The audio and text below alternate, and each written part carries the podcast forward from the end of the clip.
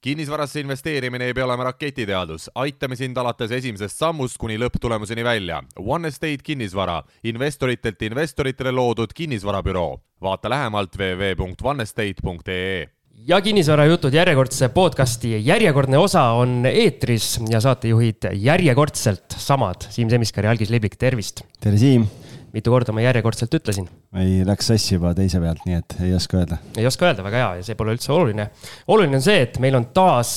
järjekordselt. järjekordselt on äh, kogu lauaäärne külalisi täis, ehk siis äh, meil on kaks külalist lisaks kahele saatejuhile ja seekord räägime järjekordselt sellisest teemast, mida meilt järjekordselt väga palju on nõutud ja meil on täna pank külas ja järjekordselt LHV, kes on meil ka varem külas käinud, nii et, et rõõm on laua taha ka äh, külalisi näha. eelmisel korral oli, oli üks, seekord on kaks, kaks, nii et, et. Äh, ja tegemist ei ole pooldumisega, Algis. jah, nii et äh, kaks pead on kaks pead, nii et ma usun, et siit tuleb väga head materjali täna. just, ja meil on siis külas ettevõtte finantseerimise juht Marko Kiisa, kes meil ühes saates on juba kunagi käinud tervist. tere, tere.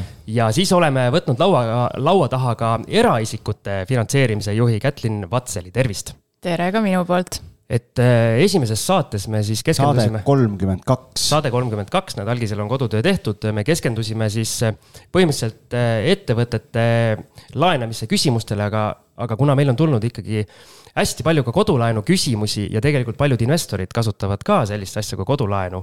ehk siis mõtlesime, et proovime siis kogu seda diapasooni siin katta. Ja, aga tegelikult võib-olla alustuseks, enne kui me siin päris äh, kohe spetsiifiliste küsimuste juurde läheme, et võib-olla räägiks natukene suuremat pilti, et, et mis praegu Eesti pangandusmaastikul toimub ja, ja kuidas LHV-l läheb ja ja kuidas on, et kas olete suutnud koos teiste eestimaiste pankadega siis Rootsi Rootsi kolleegidelt vaipa ka jalge alt tõmmata? Noh, LHV-l läheb ikkagi hästi, et äh, võttes eelmise aasta kokku, siis õnnestus meil seda vaipa tõmmata. Äh, kelle alt täpselt, on võib-olla keeruline hetkel öelda, aga kodulaenudes küll me oma turuosa kasvatasime. et äh, meie plaanid on suured ja ambitsioonikad ja, ja tahame nii-öelda, meie nii-öelda järgmine suur selline eesmärk on võib-olla, et iga neljas kodu oleks siis ostetud LHV kodulaenuga. palju praegu on? praegu on vähem loogiline jah, aga sa ei taha päris konkreetset numbritest, kui suur LHV turuosa on täna? üldse kõikidest väljastatud laenudest siis võib-olla Äh, kogu portfellist, kui me võtame eraisikute poole, siis selles mõttes see võrdlusbaas pole päris õige, kuna me alustasime laenu andmist kaks tuhat kuusteist aastal, aga teised pangad siis üle kahekümne aasta tagasi. et selles mõttes me seda kogu äh, turuosa ise nii palju ei võrdlegi, kui just see, et kui palju me uuest rohkem kätte saame jah, siis kui mina oma seni e-, elu ainsa kodulaenu võtsin, siis LHV panka vist, ma ei tea, kas oli olemas üldse või ei olnud. jah, et sind ei olegi võimalik olnud kätte saada sealt, et sa pole saadaval olnud turul praegu. jah küll aga sinu järgmise koduostuga siis äh, me oleme pildil. no vot, näed, siin juba, juba pitsitakse, vaatame, vaatame, kuidas see saade läheb. Ja, aga tegelikult äh, Marko, kuidas see seal teie osakonna poole peal on, et, äh, et kuidas, kuidas see ettevõtete meie pilt on ju võrdlemisi ju sarnane sellega, mida me siis nagu eraisikute finantseerimises teeme, et ega me ühel korrusel ei aja ühte poliitikat ja teisel korrusel teist, et.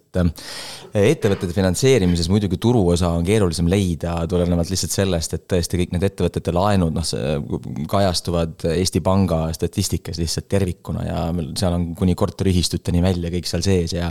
ja täpselt ei teatagi, aga teatud on noh, ühesõnaga on ettevõtte finantseerimises teatud tooteid, kus meie turuosa küündib üle kolmekümne protsendi protsendi juba ammu.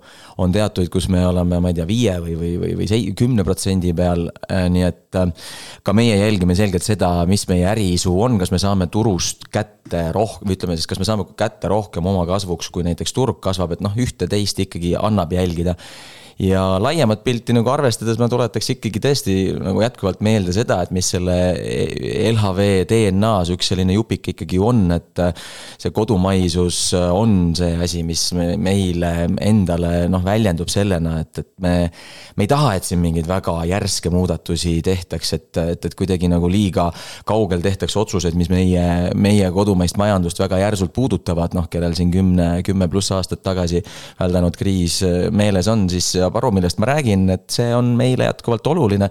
see ei tähenda, et ajad ei oleks keerulisemaks läinud, see ei tähenda, et ka meie ei krutiks äh, vastavalt turuoludele enda mindset'i, loomulikult me teeme seda, me oleme samamoodi äriettevõte ja juhime oma riske aga me tahame ikkagi olla selgelt kohal ja oleme jätkuvalt isukad.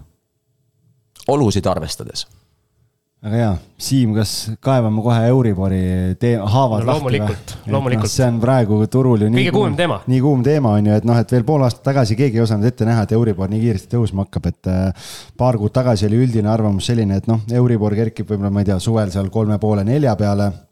tänaseks on kõik selle mõttega vist enam-vähem harjunud juba, on ju ja noh, et siis oli see jutt, et langeb kuskil tõenäoliselt sinna kahe protsendi kanti tagasi ja siis jääb sinna püsima. Äh, kaks päeva enne meie salvestust toimunud Eesti Kinnisvaramaaklerite Koja koolitusel olukorrast majanduses jäi kõlama selline lootus, et äh, Euribor hakkab langema aasta lõpus, et mõni aeg tagasi räägiti veel, et suvel hakkab langema, nüüd oli see, et hakkab aasta lõpus langema ehk siis jutt kogu aeg muutub, keegi täpselt ei tea, on ju, mis, millal juhtuma hakkab, et mis meeleolud teil seal kontoris valitsevad, et kuidas teie seda aastat nii-öelda ette prognoosite või näete praegu? no me samamoodi ikkagi igapäevaselt vaatame, et mida turuosalised ennustavad Euribori osas ja tegelikult see ei ole muutunud, ehk et see ennustus on jätkuvalt see, et suvel saabub Euribori tipp jah, see tipp on muutumises, et äh, kui ta võib-olla kuu aega tagasi oli seal isegi üle kolme poole nelja, siis äh, tegelikult nii-öelda viimase seisuga oli ta kolm koma neli noh, mis on positiivne. see on juba väga hea ju. just, ja, ja, ja siis ta hakkab äh, rahunema ja, ja taandub. ja võib-olla selle Euribori puhul jah, see on meile kõigile äh, noh, väga suur šokk, olles harjunud siis äh, nullintressi või negatiivse Euribori keskkonnas toimetama, aga võib-olla see uus reaalsus, millega inimesed peaksid arvestama või kohanema, on see, et ei ole mõtet oodata, et see null tuleb tagasi et Euribori ajalooline keskmine on kuskil kaks kuni kaks pool. ehk et see uus normaalsus, kodulaenu intresside tase algab neljast protsendist. et see on see, millega peaks kohanema ja arvestama oma otsuseid tehes Äh, noortel, kes ostavad oma uut kodu, nendel probleemi ei ole, sest et nemad sisenevad juba sellesse keskkonda, mis täna on ja nad võib-olla ei teagi midagi sellest äh, madalamast Euriborist.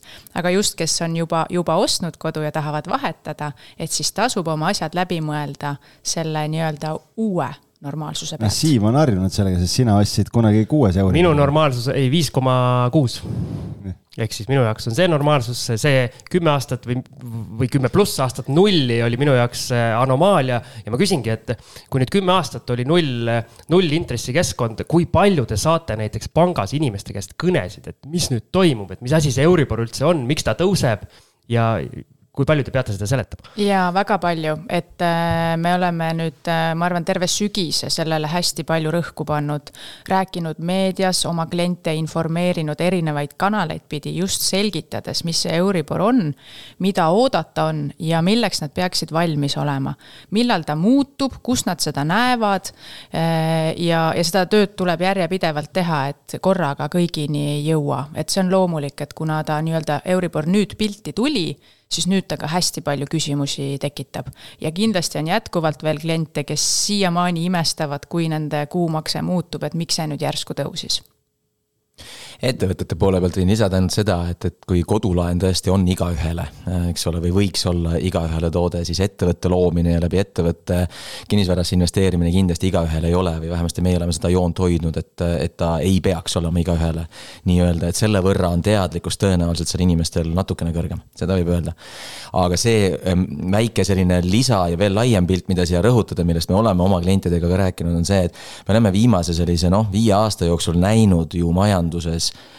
noh, justkui enneolematuid asju, mis kunagi polnud võimalikud juhtuma.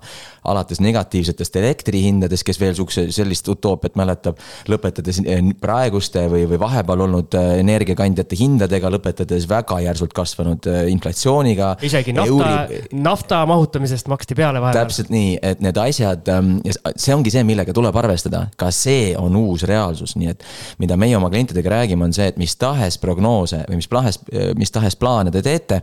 seal, kus te näete oma ettevõtte riske, seal, kus te näete oma ettevõtte plaanide riske, olge konservatiivsemal poolel, sellepärast et see elu tõenäoliselt järjest heitlikumaks läheb et seda konservatiivsust kõikides väikestes valikutes, mitte ainult Euriboris, vaid kõikides äririske puudutavates väikestes valikutes me rõhutame klientidele kindlasti kui me tuleme kodulaenude juurde, siis kui palju reaalselt on see päringute hulk vähenenud viimasel ajal mm? -hmm. Kuskil aasta lõpuks võrreldes suvega kukkus ta kuskil poole võrra. et äh, aasta lõpus jah, et poole võrra oli nii-öelda taotlusi vähem noh, kinnisvaratehinguid siis samamoodi, et eks need ju käivad täpselt äh, käsikäes, et kui kinnisvaraturg äh, maha jahtus, siis ka laenu, laenuhuvilised äh, taandusid just, et ootama, et mis see nii-öelda, mis see uus normaalsus on ja, ja kas ma, kas ma julgen täna osta ja kui palju need kulud siis kasvavad tegelikkuses. aga kas kuidagi on muutunud see protsent ka, kellele te nagu peate ära ütlema, kes teie filtrist läbi ei lähe, et kui olid need head ajad, rohkem inimesi tahtsid laenu oli X protsent, mis te siis äh, nii-öelda rahuldasite need taotlused, nüüd on kehvemad ajad, vähem inimesi tahab laenu. aga mi-, et kas see protsent, mida te rahuldate, on muutunud kuidagi? ei, ma ütlen otseselt mitte, et äh, kui me, siin on kaks poolt võib-olla, üks on see, et kes saab negatiivse vastuse üldse pangast, näiteks tal on eelnevad maksehäired või, või muud probleemid ja siis on äh, see osa kliente, kes ei saa nii palju laenu, kui nad sooviksid et äh, on olnud nii-öelda eelneval ajal neid kliente, kes ülehindasid oma võimeid äh, laenu saamisel, kui on neid ka täna. aga ma arvan, et olles täna jaanuarikuus, siis inimesed on juba oluliselt paremini valmis selle uue reaalsuse omaks võtnud, kui siis võib-olla eelmine aasta, viimane poolaasta. ehk et täna äh, need, kes kodu julgevad osta on juba läbi mõelnud selle, et mis see Euribor siis võiks olla ja juba on neil need kõrgemad kulud äh, kanda. Mul on üks selline küsimus, mis hästi tihti nende kodulaenudega üles kerkib, on see, et miks äh, oma ettevõttest äh, nii-öelda palka saav inimene on panga silmis nii palju kehvem kui sealt samast ettevõttest palka saav mõni teine inimene et miks ettevõtjaid kotitakse, tahavad nad teada? no meie tegelikult ei koti, et see, selles mõttes see oli... me, me pigem, kui me alustasime kodulaenude andmist, äh, siis äh, me just, äh, me võtsime sihiks ettevõtjad, kes siis on ettevõtte omanikud, ostavad kodu ja me eristusime sellega, et me analüüsisime seda ettevõtet lähemalt, et mis on selle ettevõtte võimekus siis oma omanikule tulu tasuda ja selle siis võtsime arvesse. ehk et olenemata sellest, kui see palganumber võib-olla ei olnud väga suur, siis me arvestasime dividende ja analüüsisime ettevõtet, et et ma ei saaks öelda, et me, et kuidagi neid ettevõtjaid siis eh, nii-öelda kotiksime, pigem sealt, kus on võimalik sealt me suudame välja mõelda ja analüüsida selle võimal-, võimekuse siis äh, laenu saada. see ei olnud üldse pahatahtlik küsimus, aga kas te tunnetate, et see probleem nagu turul on, on äh, olnud olemas päris pikka aega? jaa, et äh, me nägimegi seal seda nišši, et äh, kus siis võib-olla eristuda teistest, et äh, tavapäraselt kodulaenuhaldurid ei pea analüüsima ettevõtteid. Aga siis me võtsimegi nii-öelda sammukese rohkem, koolitasime oma haldurid pädevaks ka seal osas, et võtta ka seda segmenti ja me täna kindlasti oleme, see on üks meie tugevusi, üks meie tugevamaid segmente on siis ettevõtte omanikud, kes soovivad oma kodu osta. aga saan ma siis aru, et see nii-öelda, ma jätkan seda sõna kottimine kasutamist, et see on siis sellepärast, et lihtsalt ei tahetud tegeleda nii-öelda šabloonist veidi keerulisemate case idega? jaa, see on raamidest välja, et äh, kui, kui tavapärane äh, palgatöötaja tuleb laenu küsima, siis see analüüs on ju suhteliselt lihtne, et on see palganumber, mis ta saab, tema kohustused äh, ja siis sinna vastu, et kui palju ta laenu saab. aga kui tuleb ettevõtja, siis ma ütlengi, et tihtipeale need palganumbritest ei piisa ja me peame vaatama ka ettevõtte dividendivõimekust minu arust üks asi on see ettevõtjaks olemine ja ise ka siin viimase viie aasta jooksul kaks erinevat kodulaenu kadalippu läbi teinud, on ju, et siis noh, pankade suhtumised nii erinevad ja selles mõttes küll jah, müts maha teie ees, et, et seal nagu ei tundunud ennast kuidagi ma ei tea, pahalasena, et minu arust on nagu kaks asja, mis meil on saadetest läbi käinud, üks on see, et kui sa oled ettevõtja ja teine, kui sul on kolm last, et need on nagu kaks vähkkasvajat on küljes, on ju, et noh, nii kui need, need kriteeriumid on, siis võid ukse pealt tagasi minna. ja kui sa oled et, kolme lapsega ettevõtja, siis on täitsa võimatu. ja, ja no siis on nagu täitsa noh, et siis peadki üürikorteris elama elu lõpuni, sest sa oled nii suur risk ühiskonnale lihtsalt, et see on kohutav no.. sellepärast ma viimased viisteist aastat kodulaenu polegi võtnud et äh, mis värk selle kolme lapsega on? jah ma ei tea, mis värk selle kolme lapsega on, selles mõttes, et äh, meil ei ole sellega mingit teemat, et mingi hetk oli üleval ka see, et kas vanemahüvitist arvestatakse või mitte, et noh, meil ei ole kunagi selles mõttes seda teemat olnud, et äh, kui lapsehoolduspuhkusel olev äh, klient tuleb laenu taotlema, siis ainus asi, milles me veendume, on see, et kas ta tööleping veel kehtib, et kui ta tagasi läheb ja mis see sissetulek, palganumber oli, kui ta läks lapsehoolduspuhkusele, et me vaatame, et need kaks numbrit omavahel match iksid Äh, aga muidu nende lastega selles mõttes äh, probleemi ei ole. no aga ma küsin, ma küsin nüüd otse, mul sõber tahtis teada, tal on kolm äh, alla nelja-aastast väikest last, nii, ja nüüd meie, meie Riigikogu lasi läbi seaduse, kust hakkab raha küllusesarvest tulema, päris pikalt tuleb, indekseeritud. kas see, kas seda peretoetust arvestatakse kodulaenu taotlusel? Jaa, peretoetust äh, arvestatakse, aga mingisuguste koefitsientidega. et arvestatakse küll. aga koefitsienti keegi ei ütle, on ju? no koefitsiente me jah, niimoodi peast ei ütle, aga, aga võib-olla positiivsem sõnum ongi siin see, et, et seda arvestatakse muidugi, et me ei jäta seda arvesse võtmata. mul sõber jäi rahule selle vastusega jah, tervitame Siim sõpra. et äh, aga eelmise kriisi ajal Marko siin tõi viisakalt äh, selle välja ka alguses, et noh, et tahaks ise kontrollida seda, mis meil siin äh, kodumaal toimub, mitte nii, et kuskil kaugelt äh, keegi otsustab, et eelmise kriisi ajal keerati uksed lukku, noh, tuimalt kõik paneme lukku, teatud mõttes võib-olla ka nagu põhjendatult on ju, sest asi oli täiesti käest ära. pangad laenu anda ei tahtnud. kuidas praegu olukord on, et, et kui keegi tahab omale uut kodu osta kodulaenuga, et kas võib küsima tulla? Jaa, ikka, et äh, täna äh, kõik pangad jätkuvalt äh, tahavad laenu anda, et me ei ole näinud, et keegi oleks turult kuidagi eemale tõmbunud. et ja meie uksed on ikka lahti, et just, et selle kodumaise pangana, et meie nii-öelda äh, väga selge huvi on, Eesti on meie koduturg, ehk et siin seda laenu andmist hoida lahti. Ja tegelikult äh, me ei pea nagu selles mõttes muretsema selle kriisi pärast, et äh, läbimõeldud plaanid saavad alati finantseerimist, leiavad nii eraisikute puhul kui ka ettevõtete puhul, igal ajahetkel. et küsimus ongi lihtsalt selles, et kuivõrd palju see klient on ise selle riskistsenaariumid läbi mõelnud. Üks küsimus veel nende aegade muutumise kohta, et nüüd keerulisematel aegadel, kas te näete, et, et teie kliendid ostavad nagu, nagu teistsugust kinnisvara ka, et võib-olla ei osteta enam nii palju uusarendust, ostetakse rohkem järelturukortereid, on see hinnaskaala odavamaks läinud või ei ole seal ka mingeid suuri muutusi?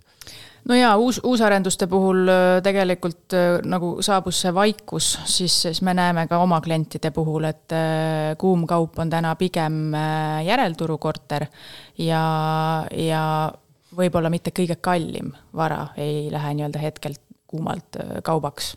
et just selle tõttu, et klient ilmselt ise ka mõtleb, et kuhu see Euribor tõusta võib, mis see laenumakse tuleb, kas ma ikka jõuan seda maksta? Kuule, aga viimased kaks aastat kinnisvaraturg oli ju noh, täiesti pöörane, on ju, et äh, pakkumist oli vähe, hinnad kerkisid nagu pärm Siimu lahjus õhtuti seal, kui küpsiseid või neid perukaid või leiba teeb, on ju väga palju inimesi uskus niisuguse ilusasse selgesse tulevikku, tehti võlaõiguslikke lepinguid uusarendustesse, kardeti, et jäävad ilma ja, ja nüüd on uus reaalsus on käes ja kui sellel aastal nüüd hakkavad mingid majad, mingid korterid valmis saama, äh, kui palju, kui suur, suureks te näete seda probleemi, et mingid inimesed jäävad oma võlliga makstud sissemaksust ilma, et ei ole laenuvõimelised enam ähm.? Kui need kliendid on võtnud laenuotsuse ära siis, kui nad võlli sõlmisid, siis neil vähemalt meie juures mingit muret ei ole.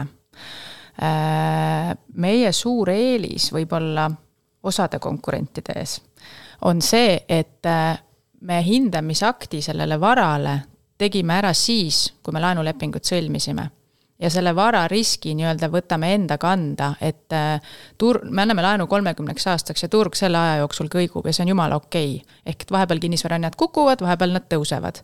et kui aga klient on nüüd sellise diili teinud, et ta sõlmis ära laenulepingu küll, aga ta on kohustatud siis enne asjaõigust tegema hindamisakti ja kui nüüd need äh, hinnangud tulevad oluliselt madalamad, see tähendab, et see pank annab neile ka vähem laenu ja nad on sunnitud oma finantseeringut suurendama. noh, meie neid probleeme täna selles mõttes ei näe, et meie klientidel seda muret ei ole. Äh, aga noh, siis need, need kliendid on küsimus, et kuidas, kuidas nad siis saavad oma kodud ostetud aga ma arvan, et me alles võib-olla hakkame seda nägema, kuna need hinnad on alla tulnud statistiliselt või statistiliselt nad veel ei olegi alla tulnud. et me näeme reaalsetes tehingutes, et nad tulevad alla, statistika tuleb hiljem järgi. ehk et tõenäoliselt hetkel neil ei olegi veel probleemi, aga mõne aja pärast juba on. mis tasemel praegusel hetkel neid stressiteste tehakse?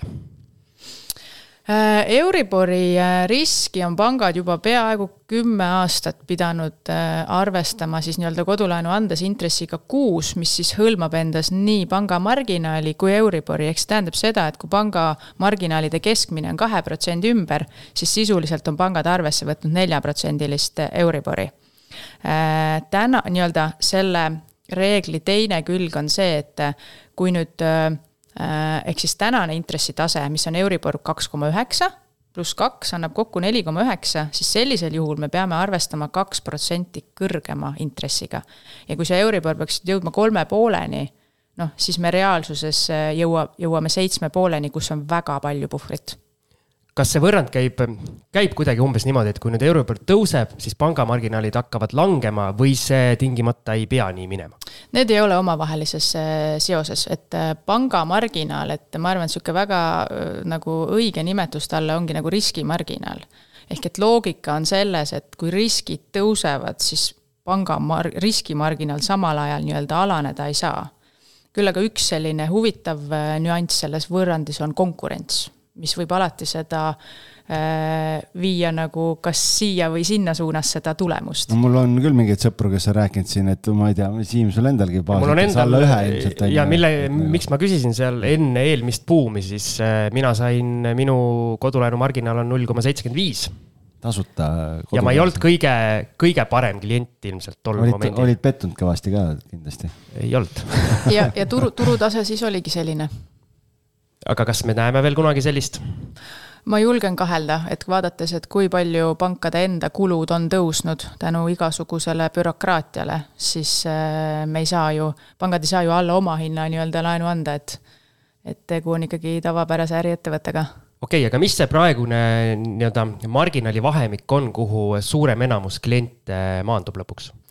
no turu keskmine ongi seal kahe ümber, et äh, ta on äh, nii-öelda paar aastat enne praegust äh, turu tippu oli ta kuskil äh, kaks koma kaks, kaks koma kolm ja siis viimase kahe aastaga ta nagu langes, oli korra seal isegi alla kahe protsendi. ja ma mäletan, paar aastat tagasi ma klientidele ütlesingi, et kui keegi ütles, et tal on kodulaenu intress seal kahe koma kahe kuni kahe koma viie vahel, ma ütlesin kirjuta alla, et, et need nagu normaalsed tingimused, aga jah, siis mingi hetk. kas sa andsid kellelegi finantsnõu või? mingi hetk hakkas tulema, et üks koma kaheksa ja üks koma üheksa ja ei no ma lihtsalt, mina alati soovitan oma klientidele, et võtke kõikidest pankadest pakkumised, sest kõikide pankade nii-öelda selline lähenemine on erinev ja, ja, ja siis saate nagu võrrelda lihtsalt, et teete enda jaoks parima võimaliku otsuse, et selles mõttes seda nõu ma annan küll jah, et tasub nagu põhjalik kodutöö ära teha. et tasub nagu nutikas olla jah? jah, just. aga kuule, aga mul praegu kargas pähe, et, et korraks võib-olla kodulaenude teema juurest, see on tegelikult kodulaenudega seotud, aga et mul meelest ära ei läheks lihtsalt äh,. LHV on nüüd äh, hakanud pakkuma seda äh, hindamist, et kui keegi tahab kodu osta, et siis enam ei ole vaja kinnisvarabüroost hindamist tellida, et LHV teeb ise ära, et äh, mis selle teenuse sisu on ja, ja taust on, et? Äh, mina olen seda kasutanud juba kolm, neli ma, korda. ma lihtsalt räägin selle küsimuse tausta ära lihtsalt, et kui mina seda infot esimest korda kuulsin, äh, siis minul tekkis nagu see küsimus, et noh, et minu loogika ütleb seda, et kui pank ise hindab mingit vara, siis tõenäoliselt nii-öelda see Äh, riskiaste on ühesugune või see nägemus selle vara väärtusest ja kui tuleb mingi kinnisvarahindaja kuskilt büroost, siis, siis see võib olla nagu teistsugune, sellepärast et noh, et, et pank alati võib-olla on konservatiivsem selliste otsuste tegemisel, et, et mis see taust seal on ja millest te lähtute siis, kui te seda hindamist teete, et või kust see otsus üldse tuli, et sellist asja pakkuda? mm. -hmm. no tegelikult kui sa ütlesid, et, et pankade hinnang tuleb alati nagu konservatiivsem, siis äh, ei ta peaks tulema sama ehk õiglane ja realistlik, sest et meie hindajad on äh, atesteeritud äh, kinnisvara hindajad. lihtsalt olen kuulnud mingeid näiteid no,, kus on tulnud äh, oluliselt madalam. minul reaalselt Elavee poolt kirjutati ka, et nende hindamine tõenäoliselt tuleb, ma nüüd ei mäleta, kas kümme kuni kakskümmend protsenti konservatiivsem turuhinnast. Neid, kui me räägime hindamisest sellest subjektiivsest osast, siis seda me pangana kindlasti võtame konservatiivsemalt kui siis äh, kinnisvarabüroo hind hindajad. et neid näiteid on ja sealt see vahe saab tulla, aga kui muidu tehing põhineb võrdlustehingutel, siis ta ei saa ju tulla teine et kui me võtaksime selle subjektiivse osa ära, siis ta peaks tulema täpselt sama. küsimus on lihtsalt, et missugused võrdlustehingud äh, sa võtad ja missugune on su äh, motiiv seda nii-öelda hinnata et me oleme ka turult kuulnud, et on küsitud, et mis see ostu-müügi hind on, et selge, et me vaatame, et mis selle hindamisega siis teha annab, et noh, meie huvi ei ole teda, seda vara nii-öelda üles hinnata ma räägin reaalsest ühest case'ist, kus mul tekkis ühe kliendiga selline diskussioon, on ju, müüsin korterit Tehnika tänaval, äh, sada, nii-öelda äh, sada üheksakümmend tuhat oli hind. Ja, ja ma ütlesin, et noh, et mul on seal ühel hindajalt on eelhinnang võetud, kes on sinna nii-öelda andnud kinnituse, et see hind, millega me müüme, et see on nagu realistlik, on ju, ja hindamisaktiga probleemi ei teki ja siis tema ütles, et no jaa, aga et mulle LHV pakkus, pakkus ka nagu, et nemad võivad ise tulla, on ju, noh, et kinnisvarabüroost hind on kakssada viiskümmend eurot, LHV kaudu on sada eurot, on ju, et jah, ma tahaks, et tuleb LHV, on ju. noh, ja siis minu teooria oli lihtsalt, mis mina välja käisin, oligi see, et kuna ma olin kuulnud siit ja sealt, vist oligi Siimul oli selleks hetkeks see info vist olemas, et noh, et tõenäoliselt see väärtus võib tulla nagu madalam, on ju, siis mina, minu küsimus kliendile oli see, et ühest küljest tundub, et sada viiskümmend eurot säästa on nagu mõistlik, aga nüüd ütleme, et näiteks äh, see hindaja tuleb, see hindamisakt tuleb sada üheksakümmend tuhat, aga kui tuleb pangast hindaja näiteks ja hindamisakt tuleb, ma ei tea, sada kaheksakümmend tuhat näiteks et siis on vaja täiendavalt leida juurde kümme tuhat äh, omafinantseeringut. ja see äh, küsimus ongi, mis see kliendi omafinantseer-, omafinantseering on, kui see ei ole piiri peal ja seal on nagu piisavalt puhvrit, siis tegelikult ei ole ju vahet. aga enamus klientidel ei ole seda puhvrit. enamus ei ole. sellepärast ma ütlesingi, et sul täna tundub ühest küljest, et sada viiskümmend eurot säästa, oh, ülimõistlik, aga teisest küljest, kas sul on kümme tuhat eurot täiendavalt võtta, kui see tuleb madalam kui see, mida, mida tõenäoliselt saab sealtkaudu, kui see hindaja tuleb, on ju, sest tema on sinna selle eelhinnangu ära teinud et sealt mul tekkis lihtsalt see küsimus, aga, aga noh, ma ütlen, et kui, kui,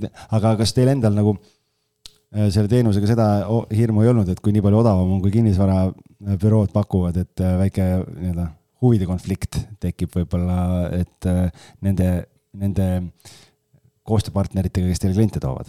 ja meil tegelikult see vajadus hindajad võtta on see, et meil on kohustus oma laenutagatisi ümber hinnata iga mingisuguse aja tagant, sõltuvalt siis tagatisest. ja, ja lisaks me hakkasime siis, meie hindajad saavad hinnata nii-öelda tüüpvara ehk siis kortereid Tallinn-Tartu ja sealt kõrvalt nende oma varade ümberhindlamise kõrvalt me pakume ka klientidele, osadele klientidele võimalust äh, kasutada meie hinnangut. aga see on suhteliselt väike mass, et seetõttu me seda, seda huvide konflikti, mis sa ütlesid, ohtu ei näe, et me ikkagi valdavalt, meie kliendid võtavad kinnisvarabüroodest äh, hindamisi. ma just tahtsin küsida, palju, palju seda kasutatakse, sest mina olen nüüd väga läinud seda teed, et mugav ja odavam ka ja mulle väga sobib et palju minusuguseid on? ma ütleks, et kuna see turg enne oli see, et koridoris enampakkumisega kortereid osteti, siis määravaks sai kiirus. et kes mis kiirusega selle hinnangu tegi, olenemata sellest äh, hinnast. ja hindajatel olid nädala-kahe pikkused järjekorrad ja siis lihtsalt äh, võib-olla alati ei õnnestunud, kui tahtsid osta. just väga huvitav, väga huvitav teema on see, see on midagi nii-öelda teistmoodi jälle, mida te teete, et kas mõni nii-öelda konkurentpank on nii-öelda vaikselt kuskil, ma ei tea, õlleklaasi taga või kuskil kohvikulauas küsinud ka, et kuulge, et kas on mõistlik teha, et äkki hakkame ka tegema? ei ole ette tulnud ei ole siunavad ainult selja taga. õlleklaasi taga me räägime muudest asjadest, aga selle, see ei ole veel jutuks. see ei ole õlleklaasi jutt Siim räägib ainult kinnisvarast, vahet ei ole, kas. võib-olla peaks tekiila peale minema, äkki siis tuleb. ei tea jah kuulge, aga eelmise kriisiga võrreldes on ju tegelikult eestlastel praegu leibkonna kohta oluliselt rohkem sääste, et eestlane on muutunud viimase kümne aastaga jõukamaks, teadlikumaks võib-olla. et kuidas praegu olukord on, et kas säästud endiselt kasvavad või on nüüd viimase poole aasta elukallidusega ka säästude kallale vaja olnud minna? mm. -hmm. hästi positiivne ja võrreldes eelmise kriisiga on see, et äh, hoiuste maht on kolm korda kõrgem, kui see oli toona äh,. Ehk juba tänu sellele me oleme selleks kriisiks palju paremini valmis äh,. loomulikult, kuna see inflatsioon lõi ikkagi äh, kõikidesse pere-eelarve põhilistesse kohtadesse siis äh, klientide kulud on suuremad ja me neljandas kvartalis äh, nägime ka näiteks, äh, kuidas siis niisugune keskmine mediaanhoius hakkas kukkuma. see ei ole üldse nagu kuidagipidi üllatav.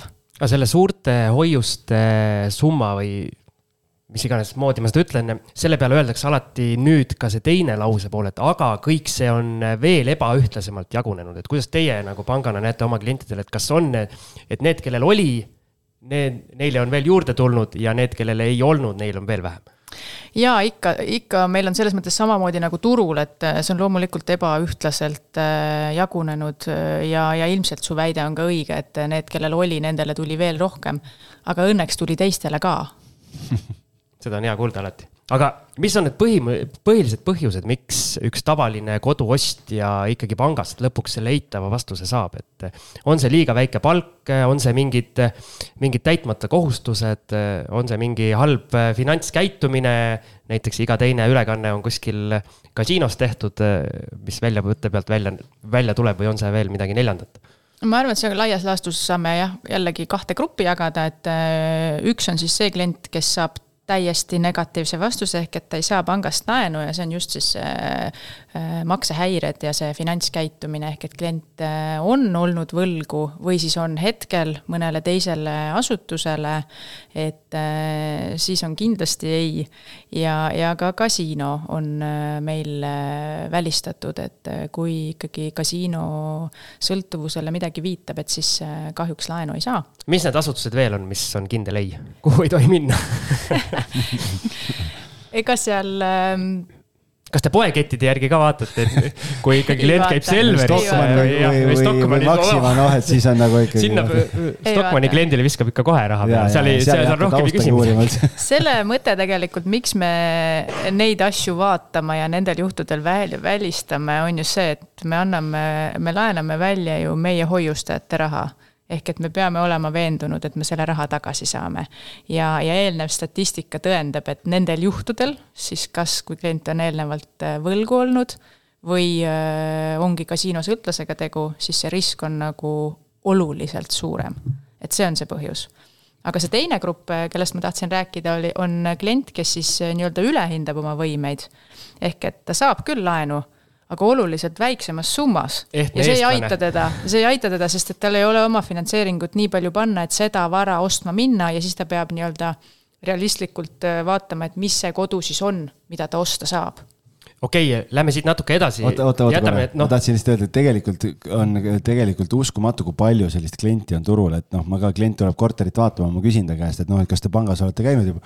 ei, veel ei ole, on ju. siis noh, aga kust te teate üldse, et te sellise hinnaga korterit saate, et just seesama asi, et, et tihtipeale klient pärast, isegi kui ta ütleb koha peal, et väga ilus korter ja väga meeldib ja et saadan panka päringud ära ja, ja kõik asjad, on ju, siis ta on kadunud, noh, sellepärast, et ilmselgelt. aga naabrimees Mati Mustamäelt sai ju no, jah, samasuguse jah, korteri osta. ja nende klientidega on veel see asi, et mi, mis klient teeb tema läheb laenukalkulaatorisse ja vaatab, et noh, oletame, et äh, mul on palk on äh,, ma ei tea, tuhat viissada eurot äh,, läheb laenukalkulaatorisse, vaatab, et väga hea, et selle laenu, mis ma tahan, kuumakse tuleb näiteks äh, seitsesada eurot. jõuan maksta küll, väga hästi. Need on kaks nüanssi. ehk et meie peame siis arvestama seda nii-öelda tõusnud Euribori, mistõttu see summa on väiksem. ja teine on see, et kui kliendil on lapsed, siis me arvestame ka seda ülalpeetavate kulu, et need on need kaks asja, mis selles võrrandis on, mida klient ise ei arvesta, vaid lihtsalt võtab, et mis see tänane makse on ja see on mulle okei okay aga tegelikkus on see, et see nii-öelda vastutustundlik summa, et ta jõuab seda ka maksta, on väiksem okei okay,, tuleme ühe nii-öelda keskmise Eesti inimese juurde, jätame ekstreemsused välja. Mati Mustamäe. Mati Mustamäelt, mida saab Mati teha, et eh, kui ta nüüd panga poole pöördub, et ta oleks või et tema laenuvõimekus oleks maksimaalne, et mis need lihtsad sammud on, mida, mida teha, et saaks oma laenuvõimekust eh, nii-öelda tõsta, et kolme last kindlasti lastekodusse ei anna, et selle jätame, selle jätame soovitamata, aga. no ma soovitan äh, Matil alustada ikkagi äh, mõtlemist selles osas, et kui palju ma tahan laenuks ära maksta, arvestades oma eelarve siis teisi kulusid, et kui seal on lapsed, siis kui palju mul lastele kulub äh, ja muud asjad samamoodi. et see on nagu esimene samm, et mitte nagu võimendada ennast põhja, vaid mõelda reaalselt äh, oma pere eelarve läbi, võttagi see Excel ja panna sinna asjad kirja ja arvestada sinna ka puhvrid. ja meie üks selline kuldreegel, mida me soovitame juba äh, käime ka koolides loenguid andmas juba põhikoolile kümme protsenti oma sissetulevast rahast tuleb säästa. kas siis investeerida või, või kes ei julge, siis kõrvale panna. ükskõik, kui see esimene raha on kas või kümme eurot, et õppida seda ja seda siis igal ajahetkel oma eluetapis. ehk et ka peale selle laenu võtmist jääks äh, sinna ruumi seda kümmet protsenti kõrvale panna nii-öelda mustadeks päevadeks või milleks iganes. Matil on konkreetne küsimus, tal on ähm, autoliising ja tal on olemas vaba raha, millega see autoliising ära maksta. kas enne kodulaenu küsimist on mõttekas äh, see auto välja osta? Äh, seda tegelikult saab arutada halduriga koos, et äh, neid otsuseid ei pea nagu enne ära tegema, et kui tal see raha on olemas, äh, ta annab teada, mis summas ta laenu soovib ja siis on väga lihtsasti võimalik vaadata, et kuidapidi on mõistlik. said, Algis? sain. ütle Matile edasi siis. ma, ma, ma ütlen talle edasi, kui ma, kui ma näen teda, aga võib-olla räägime siis investeerimisest sellest poolest ka või Siim, on sul nagu nii-öelda koduostja seisukohast? meil on siin selline küsimus ka, et eelmise kriisi ajal äh, ikkagi mindi äh, eraisikute kodude kallale ka siis ütleme siis äh, nii-öelda selles võtmes, kui palju te näete, et on mingit ohtu, et asi ikkagi nii hulluks läheb, et, et tuleb hakata inimestel siis kodusid käest ära võtma? ma eeldan, et ükski pank seda teha ei taha, te ei ma taha olla mingid kinnisvara ostjad, müüjad ja haldajad, eks jaa, pangad on ikkagi laenuandjad, et äh, kinnisvaramüüjad me olla ei taha.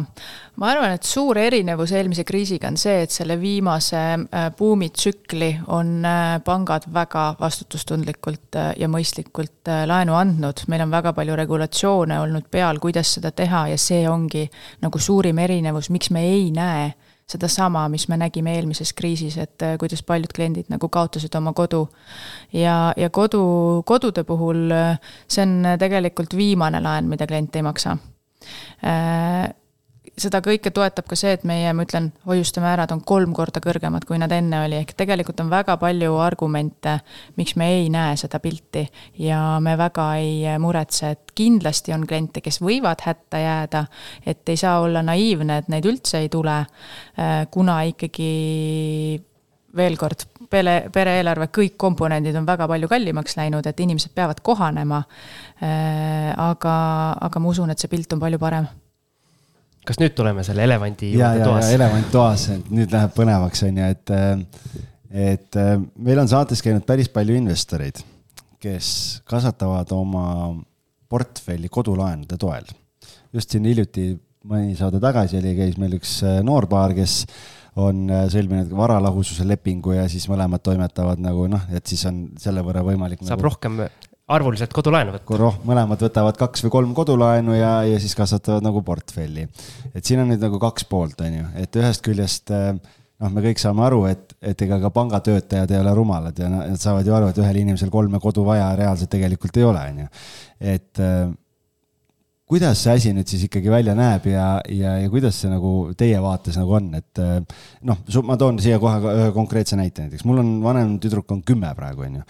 kui ma tahan näiteks investeerimiseks osta talle korteri ja ma tulen nüüd panga ukse taha selle jutuga, et ma ostaks talle selle korteri, et kui ta ühel hetkel kaheksateistaastasena kodunt välja kolib, et siis tal on see korter olemas ja ma sinnamaani siis üüriks selle korteri välja. kas sellist asja saab kodulaenuga osta või ei saa?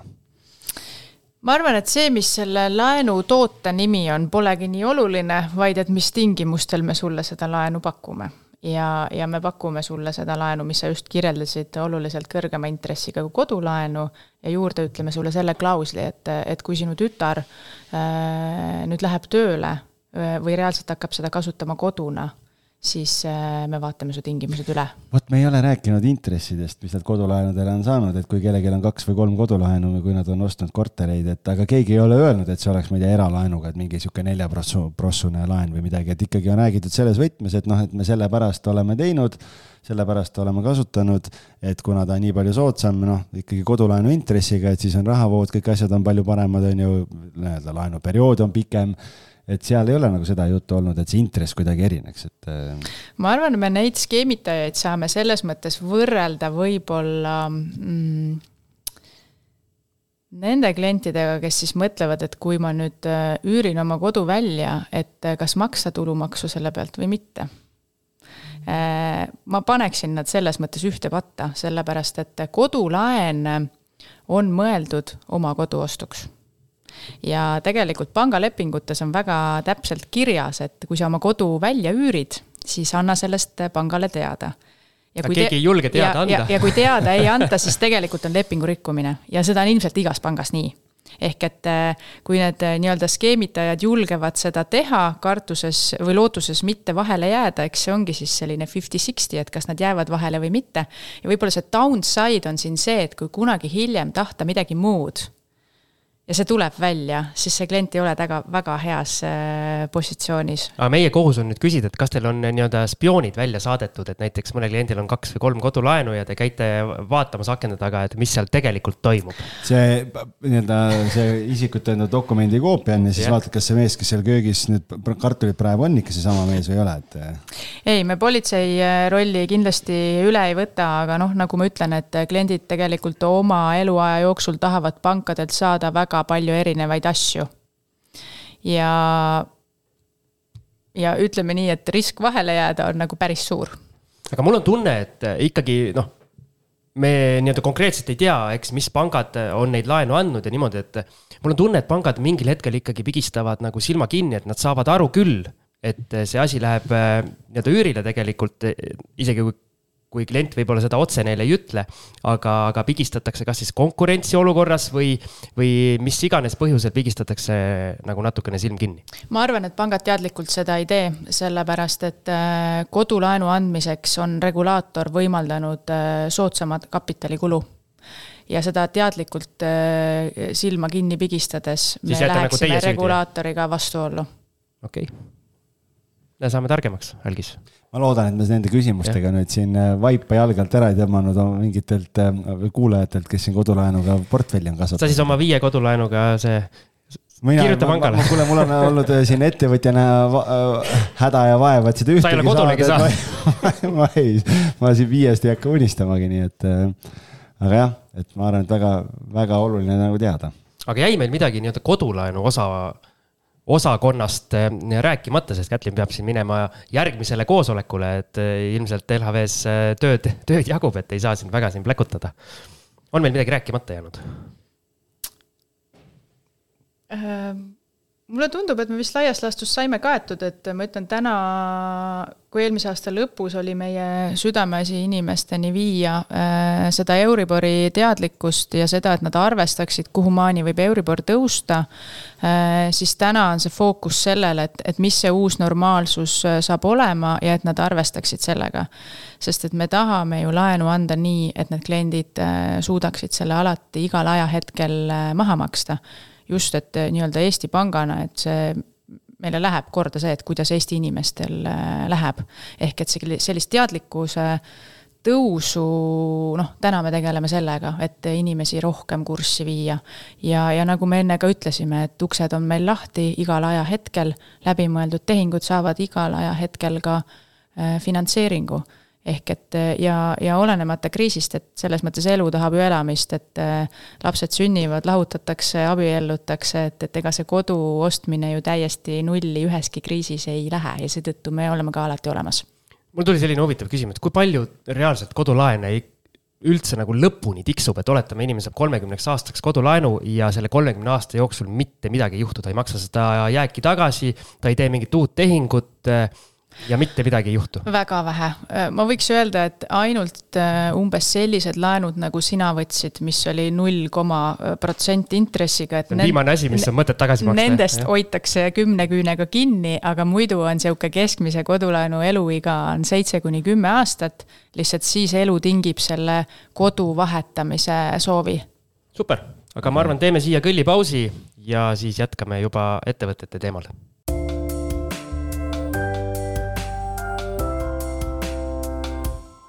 nii, oleme pausilt tagasi ja Marko on siin äh, esimeses osas saanud Kätlini juttu päris pikalt kuulata.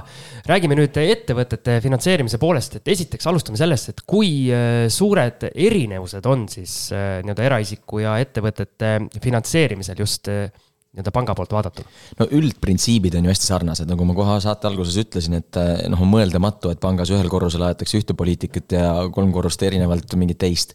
no see ei ole mõeldav, et see selline üldine foon äh, sellised äh, eelarvetest ja strateegiast ja kõigest sellisest juhtimisinfost lähtuvalt ikkagi noh, foon on sama.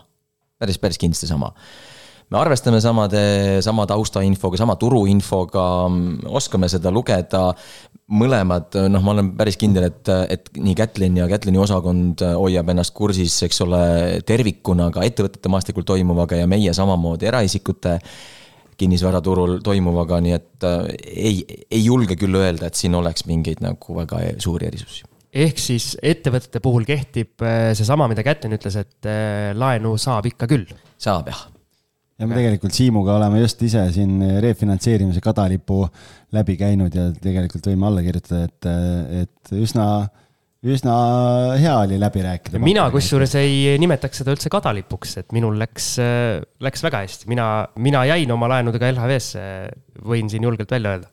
ma ei tea, kas ma julgen öelda, et me et teise ettevõttega eh, lõpuks valisime teise panga aga, aga noh, seal pisidetailides ja asjades asjad kinni, et suures plaanis no, mis ongi okei okay., see on täiesti tavapärane äritegevus, et ma arvan, et me ei pea siin seda ka silma kinni pigistama ja mängima, nagu seda ei toimuks. küll, küll, see on, see on küll okay. üks hästi oluline erinevus, mis äh, minu meelest sealt äh, nii, nii minu läbi käidud protsessis kui Siimul äh, nagu välja tuli, oli see, et me oleme ikkagi selle saja kakskümmend pluss saate jooksul ikkagi valdavalt siiamaani rääkinud kogu aeg sellest, et laenuperiood, pankade pakkumised on kümme aastat viieaastase graafikuga, siis pärast seda on, on siis refinantseerimise koht.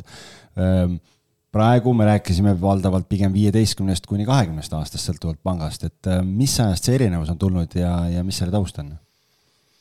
Ehm, ma julgeks öelda, et see tavapärane on endiselt pigem kümme ja nüüd pikem on ta kindlasti siis, kui on tegu heas korras, noh, ennekõike siis uusarenduse varaga ja võimalikult nagu standardse ja noh, igas mõttes likviidse varaga, siis saab rääkida äh, pikemast perioodist ka.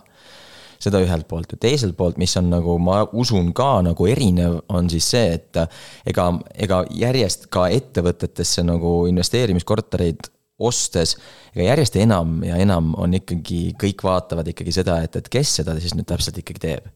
mis su, kas see on su, sinu teadmiste, sinu kogemuse, sinu põhitöö või mis iganes äh, selline mm, sinu know-how on lihtsalt nii palju parem. sa ei ole samasugune tegija, algis, eks ole, nagu võib-olla täiesti oma lihtsalt oma sissetulekute või investeerimisportfelli muuhulgas ka ühe äh, üürikorteriga täiustav tavaline eraisik. ei ole sa ilmselgelt jälgid äh, turuinfot teistmoodi, sul on sügavamad teadmised, sul, sul on võimekus teha keerukamaid tehinguid vajadusel, leida lahendusi. kuni siis tõesti nagu sellise nagu võrgustiku või, või kontaktideni välja, nii et äh, ma usun, et seda jälgitakse ikkagi, meie vähemasti jälgime seda järjest pingsamalt. ühesõnaga, kui sa oled nii-öelda hea klient, siis äh, see läheb arvesse jah, läheb küll, see adekvaatsus, läbipaistvus, ausus, noh, see kõik Ähm, on, on eriti sellistel aegadel nagu praegu veel rohkem au sees, kui ta oli, oli võib-olla headel. ehk siis aegadel. need, kes, kellele pangad ei paku viieteistaastast graafikut, need lähevad praegu peegli ette yeah. ja mõtlevad, mis nad no kes lasi nüüd siis tõde nüüd sedapidi paista, päris, päris no, nii võib-olla ei ole. ajakirjanduses kõlavad pealkirjad ju tulevad tavaliselt niimoodi, et kuskilt üks lause võetakse ja, ja nii ta läheb, et ühesõnaga, sa vastasid tegelikult meie järgmise küsimuse natukene ära ka mm, -hmm. et, et kas olulisem on siis projekt Excelis või inimesed seal taga, et ma saan aru, inimesed on muutunud. väga tähtsad. see ei ole muutunud, inimesed, äh, eriti just ärilaenus vahet ei ole, kas ma finantseerin kinnisvara või ma finantseerin äh, eriti keerulisi kinnisvaratehinguid, milleks võivad olla keerulised arenduse projektid ja nii edasi, või, või ka muid ärilaenusid. siis inimesed, äh, nende, nende kompetents seal taga on baas, absoluutne baas ilma milleta me ei ole valmis jah, üldse edasi liikuma või, või edasi vaatama, et.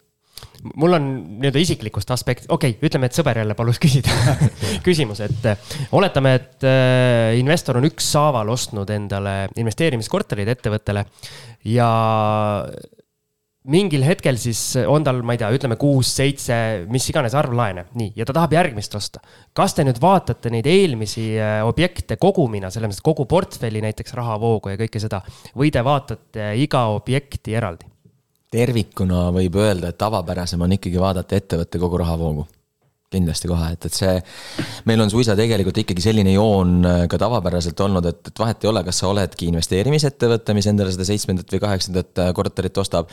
või sa oled, ähm, ma ei tea, minu poolest ole saetööstus või, või, või logistikaettevõte ja nüüd siis äh, tõesti otsustad ka, kas siis investeerida või, või mis iganes põhjusel osta näiteks üürikorteri siis meid ikkagi huvitab äh, kogu tervikrahavoog ja me oleme hoidnud seda joont, et äh, kui see su põhitegevus ei ole või, või, või see ei ole kuidagi liiga hästi põhjendatud, siis ikkagi see muu äritegevus peab olema piisavalt edukas, et ära katta seda võetava laenu siis äh, kuumakset. et me sellist nagu ainult projekti tulevikus laekuvate tulude peale, no enam-vähem kindlasti laenu ei anna. okei okay,, aga mul sõber tahtis jälle teada, et ettevõttel on nii-öelda muu äritegevus on põhiline, aga sinna kõrvale on juba kogunenud päris arvestatav investeerimisportfell, et mis hetkel te nagu võtate, et okei okay,, see ei ole põhitegevus, kui me võtame nagu numbrid, kaalutame, aga see on ikkagi nagu piisavalt juba suur omaette, omaette seisev asi, et kas see on ka kuidagi no ei, ei ole, ta ei ole nagu selles mõttes nagu pildil, me ei lähe vaatama, et kas tal nüüd see, ma ei, noh,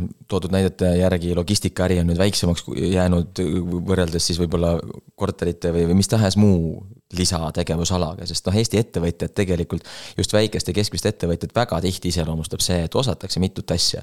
kontakte, võrgustikku osa, omatakse erinevatel tegevusaladel ja see on täiesti okei okay.. ei, ma just see, nagu mõtlen, et see know-how, kui on näiteks juba seitse, kaheksa, kümme korterit, et see võib olla juba ju noh, see on oluliselt suurem kui esimese korteri ostmine. kahtlemata ja sealt juba loeb väga palju nagu välja, et, et äh, kuidas neid on teenindatud, neid teisi, kuidas need ostetud on, kas need on, kas on üle võimendatud või mitte, kui palju seal on laenu kaasatud, kui palju sinna on ähm, mis tahes siis muud äh, kapitali nagu kaasatud, kuidas nende reaalse manageerimisega toime tullakse, no kõik meile sealt juba paistab väga palju infot nagu kätte ära, et, et millise tundega ma annan talle järgmise korteri ostuks laenu mina olen pangaga suhelnud niimoodi, et kui mul on vaja uut, äh, uut objekti osta või nüüd oli vaja refinantseerida, siis ma kirjutasin hästi pika kirja, põhimõtteliselt nagu kirjandi stiilis, et äh, tõin kõik asjad välja. su sõber, ma saan aru, kirjutas, aitas kirjutada. jaa, vabandust, sõber.